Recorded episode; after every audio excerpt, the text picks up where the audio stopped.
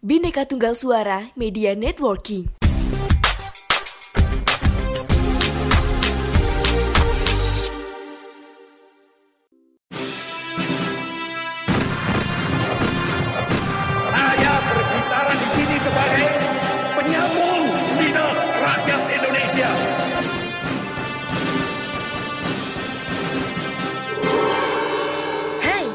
Terima kasih sudah memilih mendengarkan kami, Poseidon, podcast yang bikin kalian gagal move on. Halo sobat dari masa lalu, salam sejarah. Selamat datang kembali di podcast Sejarah Indonesia, podcast yang bikin kamu gagal move on. Kembali lagi bersama aku, Nisa Fazalina, dan kali ini aku masih membahas salah satu peristiwa sejarah dalam usaha mempertahankan kemerdekaan Republik Indonesia, yaitu pertempuran Ambarawa. For your information, Ambarawa dahulu adalah sebuah kota yang terletak di Jawa Tengah, tepatnya antara kota Semarang dan Magelang atau antara kota Semarang dan Solo. Ambarawa dahulu merupakan ibu kota Kabupaten Semarang yang mana sekarang digantikan kota Ungaran. Pada era kerajaan Mataram Islam atau di bawah Amangkurat II, kawasan ini bernama Limbarawa. Kota Ambarawa juga disebut sebagai kota Palagan Ambarawa.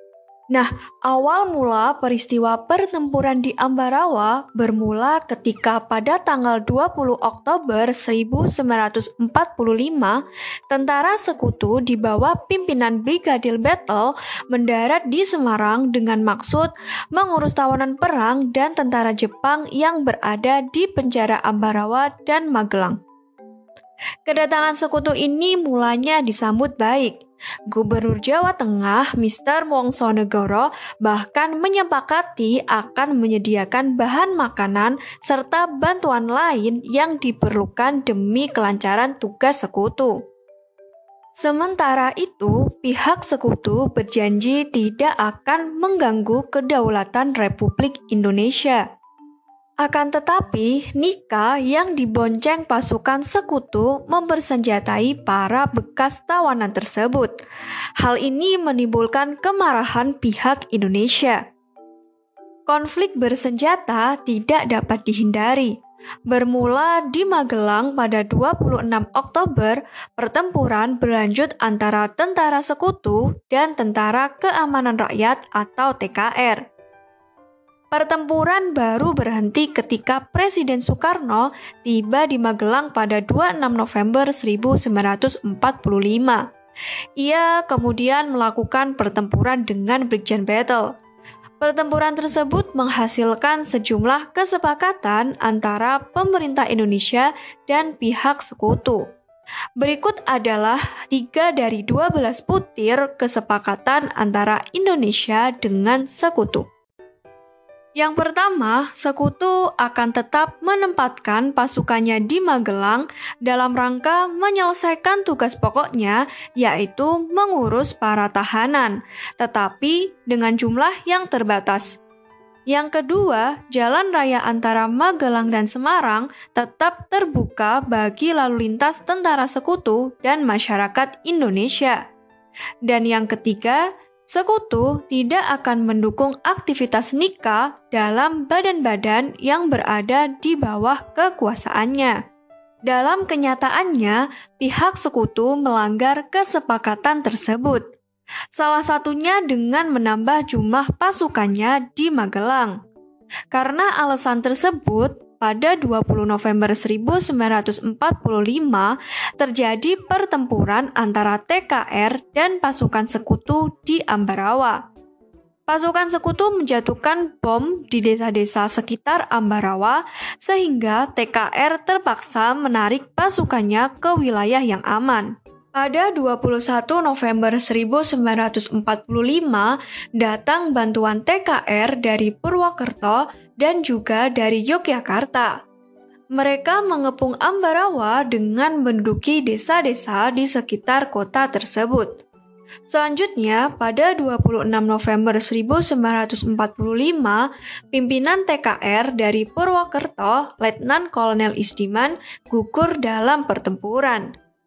Kedudukannya kemudian digantikan oleh atasannya langsung, yaitu Kolonel Sudirman. Kehadiran Sudirman memberikan nafas baru kepada pasukan Republik Indonesia.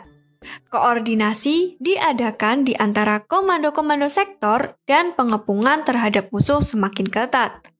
Siasat yang diterapkan adalah serangan mendadak di semua sektor. Sementara itu, bala bantuan terus mengalir dari Yogyakarta, Solo, Salatiga, Purwokerto, Magelang, Semarang, dan lain sebagainya. Yakin bahwa posisi tentara sekutu di dalam kota ini mulai terdesak, pada 12 Desember 1945, Sudirman memerintahkan untuk mengepung Ambarawa dari berbagai penjuru.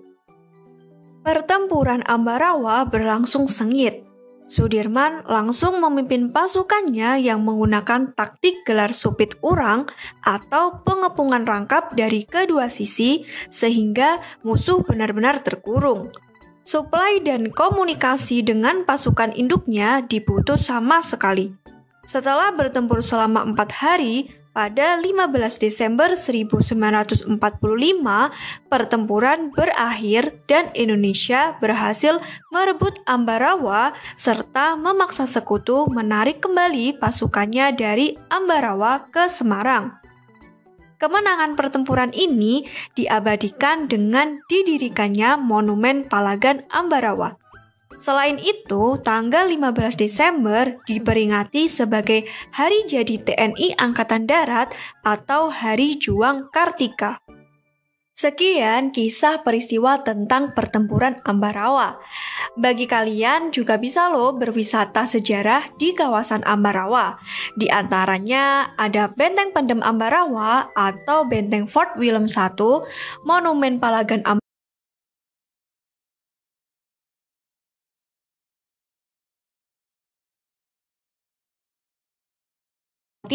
dan jangan lupa follow kami di Instagram at podcast underscore sejarah Indonesia dan follow juga at Bineka Tunggal Suara.